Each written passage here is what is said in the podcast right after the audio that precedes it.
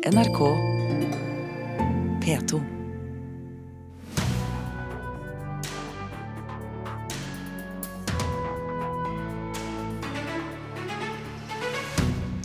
Politiet vurderer ekstra sikkerhetstiltak på Justin Bieber-konserten i Stavanger i juni etter terroren i Manchester. Dronning Sonjas omstridte utstilling på Kode i Bergen er en krenkelse. Hør hva vår anmelder mener om det. Og Det Norske Teatret lager teater om selvmord blant barn og unge. Velkommen til dagens Kulturnytt. Mitt navn er Stine Tråholt.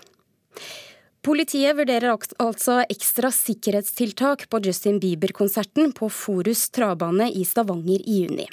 Og det skjer på bakgrunn av bombeangrepet etter konserten i Manchester mandag kveld, og den generelle trusselsituasjonen. Med 36 000 publikummere blir Bieber-konserten på Forus travbane den største konserten i Rogaland noen gang.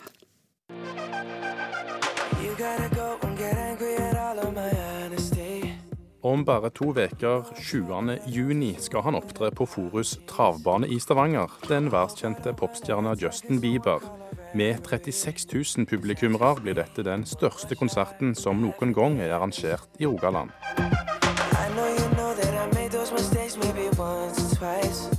Med bakgrunn i bombeangrepet under Ariana Grande-konserten i Manchester mandag kveld, og den generelle trusselsituasjonen i Norge og Europa, vurderer politiet å øke tryggingstiltakene på Bieber-konserten. Det opplyser stabssjef i Sør-Vest politidistrikt Rogaland, Egil Eriksen. Vi vurderer situasjonen egentlig fortløpende.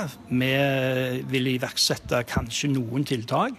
Og det er først og fremst for å forebygge uønska hendelser, og for at publikum skal kunne nyte ha en veldig god konsertopplevelse med Justin Bieber. Eriksen vil ikke gå nærmere inn på hva ekstra tryggingstiltak politiet vurderer, men sier de forbereder seg så godt de kan på arrangementet.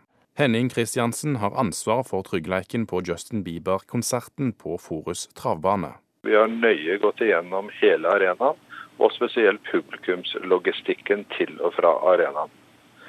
Eh, vi har lagd et planverk. Vi har hatt møte med politi og trafikkinstanser i Stavanger-regionen, og føler at vi har lagd en plan nå som eh, vil gjøre at publikum får en fin opplevelse på denne junidagen. Kristiansen sier de ikke kommer til å forandre på tryggingsplanene med bakgrunn i angrepet i Manchester, men at de kommer til å følge planene som er lagt fra før. Kan de 36 000 som skal på konserten eh, føle seg trygge? Jeg håper virkelig. Vi gjør i hvert fall vårt ytterste for at de skal få en fin opplevelse. Det gjør også politiet, lover stabssjef Eriksen. Det er jo aldri en garanti. Politiet kan ikke gi en garanti, kommunen kan ikke gi en garanti, og arrangør kan jo ikke garanti, eh, gi en garanti for at uh, det ikke skjer en uønska hendelse. Men uh, det som er helt klart, er at vi skal være til stede, og vi skal gjøre vårt ytterste for at publikum skal kunne tenke på konsertopplevelsen og nyte konsertopplevelsen på, på Forus travpark. Og reporter i dette innslaget var Magnus Stokka. Med opp mot 1000 konserter på CV-en er Kvelertak et av de norske bandene som har turnert aller mest de siste årene. Gitarist Vidar Landa sier han opplever at sikkerheten, som er veldig god når de spiller, er god nok, men at det til syvende og sist alltid vil finnes terrorangrep som de ikke kan beskytte seg mot. Jeg tenker egentlig det samme som en alltid tenker når eh, sånne ting skjer. Det er jo at det bare er forferdelig trist. Kvelertak har spilt mye siden de startet opp for ti år siden. Gitarist Vidar Landa anslår et sted mellom 700 og 1000 konserter.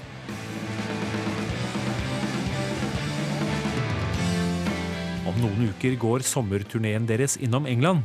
Til høsten spiller de på noen av Europas største og mest folkerike arenaer som oppvarmere for Metallica. Men Landa er trygg på at sikkerhetsopplegget er godt nok, til tross for terrorangrepene i Manchester. Jeg opplever det som veldig sikkert. Eh, det er for de aller fleste stedene vi er, egentlig. Og så tenker jeg at det er sånne ting som det føler jeg det nesten ikke går helt an å, å beskytte seg mot.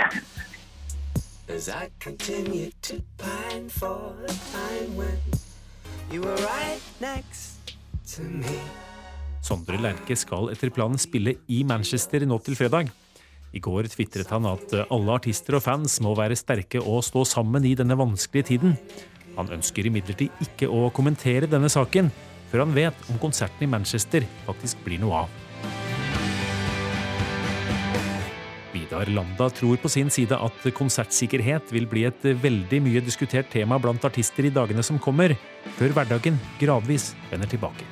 Det, jeg føler det er sånn som med veldig mange andre ting relatert til terror, at en snakker veldig mye om det i, i dagene etter det skjer, og så heldigvis så så glemmer en det ut, og så lever en vanlig og har det fint videre. Uh, og Sånn eh, har det vært både etter eh, Bataclan og, og Paris, og sånn kommer det helt sikkert til å være nå òg. Ja, det sa Vidar Landa i Kvelertak til reporter Gjermund Jappé.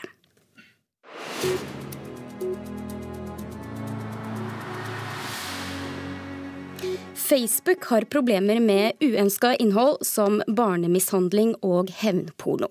Og nå ønsker norsk politi og Kripos bredere fullmakter for å gripe inn i disse sakene. Hva går dette ut på, reporter Espen Alnes? Ifølge Dagens Næringsliv i dag så jobber politiet med å få Facebook-sidene sine godkjent som offisielle. I dag er det mange som offentlige personer og institusjoner som har slike profiler. Men politiet har altså ikke en slik profil. Dersom de skulle få det, så kan det bli enklere for dem å få tilgang til f.eks. lukka gruppe og etterforskere av uønska aktivitet. Kripos har i dag ei sier de kaller den politiets nettpatrulje, men denne har da ikke utvida fullmakter. Men hvor sannsynlig er det egentlig at de kan få slike utvidede fullmakter? Eh, det er vanskelig å si. Ifølge Dagens Næringsliv så har Facebook eh, fortsatt til gode å gi politiet egne offisielle sider og kontoer, og PR-byrået Sleger, som representerer Facebook i Norge, skriver også i en e-post til Dagens Næringsliv at eh, de ikke har et konkret svar på dette, på, på dette spørsmålet. Så da blir det opp til Kripos og politiet da, om de vil søke om det. Good evening. My name is Bond. James Bond. Ja, Det var James Bond. For i går så kom altså meldingen om at skuespilleren Roger Moore er død, 89 år gammel. Og han var jo særlig kjent for sine sju filmer som agent James Bond. Og nå så hylles han for sine skuespillerprestasjoner. Hva skrives på Twitter, Espen Andenes? Du, Det er flere som er ute der og eh, kommer med sin hyllest. Blant annet Michael Kane, skuespillerkollega. Han skriver da at han er knust etter at han nå mista en av sine eldste og næreste venner, og at verden hans aldri blir den samme igjen. Roger Moore var også kjent som eh, UNICEF-ambassadør. Eh, skuespiller Ewan McGregor er også det, og han takker Moore for å ha kjempa for barns rettigheter i 26 år. Også her hjemme blir Moore minnet. I Dagbladet i dag så forteller Wenche Myhre om da hun møtte Roger Moore som 18-åring. Altså Wenche Myhre som 18-åring. Og hun sa at han var en ekte gentleman. Tusen takk, reporter Espen Alnes.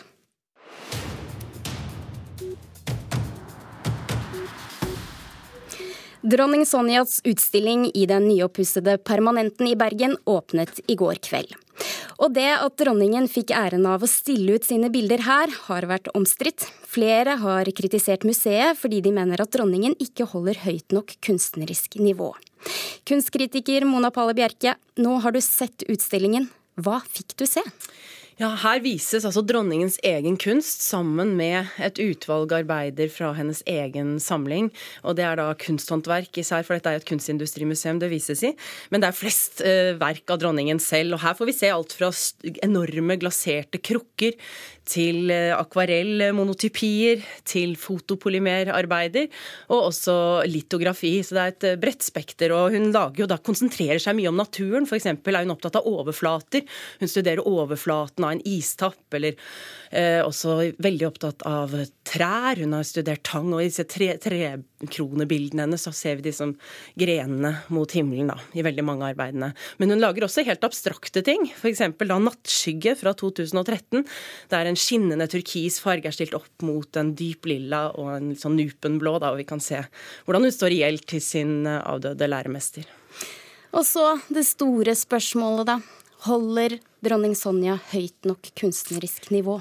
Eh, nei. Men det er liten tvil om at dronning Sonja eh, har formsans, og at hun har et øye for koloritt, og at hun også mestrer disse teknikkene som hun utøver. Men hun er ikke god nok. Det er ingenting ved hennes kunst som rettferdiggjør det at hun stilles ut eh, på kode. Hun er ikke nyskapende, hun ikke, bringer ikke noe vesentlig inn i norsk kunst. Men er det håndverket som ikke er godt nok? Håndverket er utmerket, men det er jo det at hun ikke hun har ikke på en måte noe originalitet. Hun er på en måte en som på en måte repeterer tidligere strategier. Og det at hun ikke er god nok, her er vi ved, ved problemets kjerne. Hun er heller ikke valgt fordi Kode syns hun er spesielt god eller spennende som kunstner. Hun er valgt fordi hun er dronning, og fordi det trekker eh, store horder av eh, besøkende, og det er dypt deprimerende. Hvorfor er det så galt? Det bred appell, er ikke det bra at folk vil komme og se kunst? Dette er jo et viktig prinsipielt spørsmål. Vi er nødt til å ha tillit til at en stor og viktig eh, kunstarena som Kode velger sine utstillere på kunstfaglig grunnlag, og ikke med tanke på besøkstall. Dette er jo, det er jo uhyre viktig at, vi, at de jobber kunstfaglig, og ikke har mer sånn tabloid eh, fokus. Nå får vi kanskje understreke det at eh, hun omtales vel av Kode som en eh, habil kunstner. Eh, jeg vil bare spørre deg om det. Det at du er da skeptisk til at dronning Sonja får dette oppdraget, kommer det litt i veien når du skal vurdere de bildene du ser? Det henger, jo, det henger jo i og for seg nøye sammen, dette, da. Fordi om hun er god nok, det er jo veldig avgjørende for om hun fortjener denne æren. Men jeg sier jo det at jeg oppfatter denne utstillingen som en krenkelse på så mange nivåer. Jeg føler meg flau, og jeg føler meg sint. Jeg er så flau på vegne av norsk kunstliv, på vegne av Kode, og ikke minst på vegne av avtroppende direktør Karin Hinsbo. Og jeg opplever dette som en krenkelse av eh, dronningen selv, som blir stående som gjenstand for, for en veldig sterk kritikk av eh, kunststaben, altså fagstaben på Kode, som ble fratatt muligheten til å lage den spennende, fagsterke blockbusteren jeg vet de kunne lagd. Og også eh, syns jeg det er en grov undervurdering av kunstpublikummet. Eh, tror de virkelig at de må en dronning til for at vi skal gå på museum? Og så sist, men aller mest, er dette en krenkelse av alle de kunstnerne, de dyktig, hardt arbeidende, helt usynlige kunstnerne, som aldri kan, engang kan drømme om en slik eksponering. Men er, denne, er, det det at hun får åpne nybygget som er så galt, eller det at hun får stille ut en utstilling i i seg selv i det hele tatt. Som... Begge deler. Men særlig denne veldig viktige anledningen så syns jeg de burde virkelig latt sine beste kuratorer eh, lage en helt fantastisk fagsterk forskningsbasert utstilling og vise hva, slags, hva institusjonen er god for, istedenfor å gjøre dette eh, litt billige publikumsfrieriet. Klar tale fra vår kunstkritiker Mona Palle Bjerke der. Du kan også lese hele anmeldelsen til Mona Palle Bjerke på nrk.no. Du hører altså på Kulturnytt i Nyhetsmorgen, og klokken er nå 16 minutter over åtte, og dette er nyhetsoverskriftene nå. Terrorangrepet i Manchester ryster Storbritannia. Britene våkner i dag opp til den høyeste terrorberedskapen på ti år. Filippinene innfører unntakstilstand sør i landet etter sammenstøt mellom sikkerhetsstyrkene og militante som støtter IS. Og hvilke hjelpemidler elever får for å bruke på eksamen, avhenger av hvilke fylke de går på skole i. Det er urettferdig, mener både elever og lærere. I går kveld så kunne NRK presentere de sju utkastene til et nytt regjeringskvartal i Oslo. Og Forslagene de er anonyme, og to av dem går videre til en finale som etter planen avgjøres til høsten. Og Dette er et av de største byggeprosjektene her i landet noensinne. Og vi skal nå ta en nærmere titt på forslagene. Og da har jeg et lite tips til deg. Gå inn på nrk.no nå, så kan du se alle de syv forslagene i bilder og i en nettvideo som ligger klart der. Og for å få hjelp til dette å beskrive og vurdere hva vi ser her, så skal jeg få ønske velkommen til arkitekt og professor Jan Digerud og arkitekturprofessor Thomas eh, Thies Evensen. Velkommen begge to. Takk. Takk. Begynner med deg, Jan Digerud. Hvordan vil du beskrive disse syv forslagene? Eh, vel, det som er eh, felles for alle sammen, er oppgaven om å lage et torv, et offentlig torv, Eh, hvor eh, regjeringskvartalet skal tre frem og danne eh, denne plassen som nå skal tilbys Oslos befolkning. Og skal også fremheve viktigheten av regjeringskvartalet som hele nasjonens symbolske Det er store oppgaver. Ja. Har du latt deg imponere på noen måte av noen av forslagene? Vel, eh, imponere og imponere. Eh, veldig vanskelig oppgave og, og eh, veldig mange forskjellige løsninger. Eh, det er forskjellige ting man må diskutere eh, i forbindelse med dette her. Eh, det som er viktig, er at alt det nye og det gamle samlet blir en helhet. At, at man føler at ting at man er på et bestemt sted i Oslo, syns jeg rent arkitektonisk er viktig å få fremhevet. Thomas Thies Evensen, når du ser disse syv forslagene, er det et av dine, hvor du tenker ah, der har vi det. Sånn skal det gjøres. jeg tror man skal ta en slags felles prikk. Og da er det ett ord jeg vil bruke. Eh, hovedpreget eh, som gis av disse forslagene, er en slags ordnet kjedsommelighet. Hmm. I den forstand at man uttrykker eh, det som man umiddelbart forstår som verdighet. Altså ikke hopp og hei, som de første forslagene for eh, et år siden var. Det er jo ikke et sirkustelt som skal bygges, men det er et uttrykk for en myndighetsinstitusjon. Og da er dette iallfall med å forsøke å lage en ordnet verdighet et godt utgangspunkt. Jeg leste vår kulturkommentator Agnes Moxnes ytring. Hun skriver at alle eh, disse forslagene gjør som oppdragsgiveren ber om. Eh, der arkitektene kanskje var litt frie og franke før, så har de nå ett mål for øye om å vinne denne konkurransen, og at vi dermed ser litt like forslag. Er det noe dere stiller dere bak? Det kommer jo helt an på oppdragsgiveren, for å si det sånn. Hvis oppdragsgiveren stiller klare premisser for hva som man skal ha frem, så er det strålende at arkitektene holdes i ørene. Hvis da oppdragsgiveren utelukkende tenker på noe annet enn arkitektonisk kvalitet, så må arkitekten tre til med sin kompetanse for å lage god arkitektur. Ehm, er, har du klart å plukke ut et av disse forslagene som du ser større kvaliteter enn blant andre, Digru? Nei, jeg, jeg, jeg eh, har ikke plukket ut noen bestemt vinner på noen måte. Men jeg har eh, en del ting som jeg syns er viktig å diskutere. Men jeg skal i hvert fall være klar over at de bildene vi presenteres for, er jo bilder som hver av arkitekttemaene har laget for å hva skal jeg si, sukre sin egen pille. Uh, og, de er også veldig fortegnet. Vi skal være klar over det. Uh, hvis vi som fagfolk skal bedømme dette helt ned til uh, mm. Så skal vi ha med oss funksjonene, og vi skal lese tegninger. Og så kan man jo egentlig også lure på, når jeg ser på alle disse her, denne store plassen som vi nå blir presentert for, Eh, har vi noe der å gjøre? Mm. Altså med andre ord, er, Vi kan ikke bare lage en plass, syns jeg, uten at det også har et innhold. Og eh, det vet vi svært lite om ennå. Vel, eh, hvis jeg fortsetter med stikkordet ordnet kjedsommelighet, så kommer det frem på to måter, slik jeg ser det. Og det ene er eh, med to hovedgrep. Det ene er at mange av prosjektene har laget en fast og stram vegg, en skjerm bak det frittstående regjeringsbygget. Uh, og uh, disse det, det, som er frittstående regjeringsbygget. Og mm. det ene er at som jeg da vil spørre i den sammenheng, hvorfor bruker man ikke farver? For i denne veggen å fremheve kontrasten til den grå blokken som ligger foran. Hvorfor er man så redd for farver?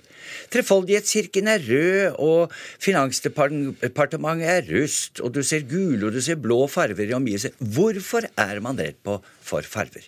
Men utgangspunktet mitt er altså at denne stramme veggen, en bakvegg, en skjerm, er et riktig grep. Men når jeg ser på dette med et utrent øye, går inn på nrk.no, så tenker jeg at alt føyer seg inn i stilen til høyblokka som allerede er der, og som skal bestå. Har jeg rett i det? Det er jo en del av den 60-tallsarkitekturen alle arkitektene har sluttet seg opp om. De mm. forsøker å lage en helhet på den måten. Eh, men eh, hvis jeg bare får ta et punkt til når det gjelder dette med ordnet kjedsommelighet, så er det det at en styrke ved siden av at mange har denne skjermen, og jeg etterlyser farver, eh, er regjeringsparken som ligger foran. Eh, det er jo den bonusen man har fått eh, etter den høyst diskutable eh, diskusjon, altså diskusjonen om Y-blokken. Og poenget som da er, når jeg sier at det er en bonus, er at man får frem Trefoldighetskirken og Deichman på sin høyde på den ene kortsiden, og så får man det gamle regjeringsbygget på det andre. Og da må den være en park, som Jan Digerud sier. Et sted som virkelig er et tilbud til en, en landskapelig opplevelse, og ikke en steinørken. Ok. Tusen takk for at dere kom til Kulturnytt, Jan Digerud og Thomas Thies Evensen. Og det er altså to forslag som nå går videre til en slags finale, som etter planen avgjøres til høsten.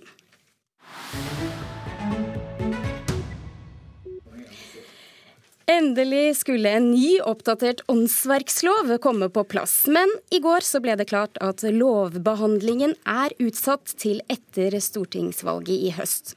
Loven den ble sist overhalt i 1961, og absolutt alle involverte har vært glade for at loven nå skal komme i en oppdatert drakt.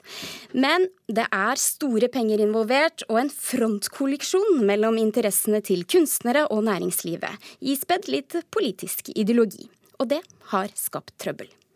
Du skal få en dag i morgen Et relativt udramatisk høringsutkast ble til et utskjelt lovutkast. Etter mye drama er behandlinga av ny åndsverklov utsett. Og der kan du rette opp att alle feil ifrå i går Som Alf Prøysen synger, får politikerne en sjanse til å rette feil. For så langt i 2017 har forslaget til ny åndsverklov skapt mest harme. I én øyeblink følte næringsaktørene at kunstnerne fikk for mye makt. I det neste gikk en bråte kunstnerorganisasjoner kraftig ut med et hevda politisk nedfall for næringsinteressene. Kulturkomiteen fikk for mange klager og innvendinger. Nå skal åndsverklova behandles først etter stortingsvalget. Det syns vi er en klok avgjørelse. Det er kommet mange innspill som det er nyttig å gå grundigere til verks for. Sier Elin Aamodt, daglig leder i artistorganisasjonen Grammart. Vi mener at det lovutkastet som Kulturdepartementet hadde utarbeidet, var godt og balansert i rettighetshavernes eh, favør. Så var det gjort endringer som eh, ikke ville sikre kunstnernes interesser. Åndsverklova skal sikre rettene til alle som skaper noe kreativt. Regjeringa har sagt at rettene til kunstnerne er det viktigste, men fra høringsutkast til lovutkast mener kunstnerorganisasjonene at forslaget til åndsverklov har blitt malt med næringsblått. Kunstnerne møter støtte fra Arbeiderpartiet sin mann i kulturkomiteen, Arild Grande. Forslaget fra regjeringa skapte sterk motstand. Det var en rotete behandling fra statsrådens side midt oppe i komiteens eh, prosess. Eh, og det er vanskelig å finne den rette balansegangen når det er så mange eh, innspill som går i litt ulike retninger. Det er balansegangen mellom kunstnerne sine retter og muligheter til å skape kunstnerisk næringsliv som står sentralt. Virke Produsentforeningen organiserer en rekke av de som skaper næring av åndsverk, og direktør Torbjørn Urfjell er tydelig på hva de håper på. Vi er nødt til å få en åndsverkslov som eh, gjør det mulig å fortsette veksten i produksjon av norsk kunst og kultur, og en lov som eh, gjør folk villige til å ta risiko og investere til å løfte opp eh, tunge produksjoner i Norge. Også Urfjell er glad for at behandlinga av åndsverkloven nå er utsatt. Reporter var Hans Olav Riise, og statssekretær Bård Folke Fredriksen i Høyre sier til NRK at Kulturdepartementet tar beslutningen om å utsette denne loven til etterretning. Jeg bare jeg må bare spørre, Har dere funnet ut av hvem som sendte den mailen? Tar ikke det der nå. Jo. Har dere funnet ut av hvem som sendte den mailen til alle foreldrene om at Aina har tatt med seg øks? Har dere funnet ut av det? Og med det så hoppet vi rett inn i et helt nyskrevet teaterstykke som heter 'Elleve år', og som eh, har urpremiere på Det Norske Teatret. Og dette er selvmord som er tema for eh, dette stykket. Et uh, tema som opptar både TV og teater om dagen. Netflix-serien 13 Reasons Why handler om dette, har blitt svært populær blant unge, og nå gjør altså Norske Teatret det samme ved å ta opp denne tematikken. Teaterkritiker Karen Frøsland Nystøl, dette var et stykke du både gledet og gruet deg til å se. Hvorfor det? Fordi Jeg gleder meg fordi det er en urpremiere, og fordi det er Goksøyer og Marten som står bak den, som lager dokumentarisk teater virkelighetsnært, og som krever mye av sin publikummer. Eh, men jeg hadde sett en prøveforestilling av denne, så jeg visste at dette var et stykke som kom til å sette seg i magen. For det, det at barn velger å ta livet sitt, det, det blir man aldri vant til. Det gjør vondt. Mm. Og det at selvmord er et tema Eh, i Netflix-serien 13 Reasons Why er blitt kritisert for å glorifisere nettopp selvmord. Og flere medier skrev også i forrige uke om eh, flere selvmordsforsøk den siste tiden. Og Trondheim kommune har sendt ut et varselbrev til alle foreldre som har barn i grunnskolen, og de trakk nettopp opp denne serien. Og nå tar teatret det samme. Er det grunn til å være skeptisk til det? Ikke til dette stykket her, i hvert fall. Dette er et stykke som har vært jobba fram lenge og planlagt lenge. Og det handler om de som er igjen. Altså Det er ingen forherligelse på noen måte, eller forståelse for det valget elleveåringen tok. Men vi, i teaterstykket så jobber de med ettertida og med vår rolle, altså tilskuerens rolle, den voksnes ansvar. Hva har vi ansvar for å si fra om når vi ser? For vi sitter nemlig sånn at vi ser alt. Vi sitter på et fire meter høyt stillas og ser ned på skolegården med klatrestativ og ronse. Og alle de små tingene som skjer i skolegården, ser publikum. Og den som ser, har et ansvar. Og det er på en måte tema i forestillinga. Er dette et vellykket eh, teaterprosjekt? Ja, jeg syns det er vellykka, men jeg føler at dette er ei fortelling som ikke er ferdig fortalt. Kan hende var jeg litt avsleben tematisk fordi jeg hadde sett en prøveforestilling. Eh, det er rørende, men det er kanskje ikke ei ferdig historie. Jeg venter på at den skal fortsette, jeg venter på at den skal si meg noe mer. Men den tematiserer ganske alvorlig en unnvikende skole, lærere som ikke veit hva de skal gjøre, og voksne som ikke tar ansvar når de burde. Og teaterstykket vi snakker om er Elleve år, som går på Det Norske Teatret akkurat nå. Tusen takk, teaterkritiker Karen Frøsland Nystøyl. Produsent for dagens Kulturnytt er Gjermund Jappé. Mitt navn er Stine Tråholt. Nå får du straks Dagsnytt her i P2 og Alltid nyheter. Og Nyhetsmorgen varer frem til klokken er ni. Hør flere podkaster på nrk.no podkast.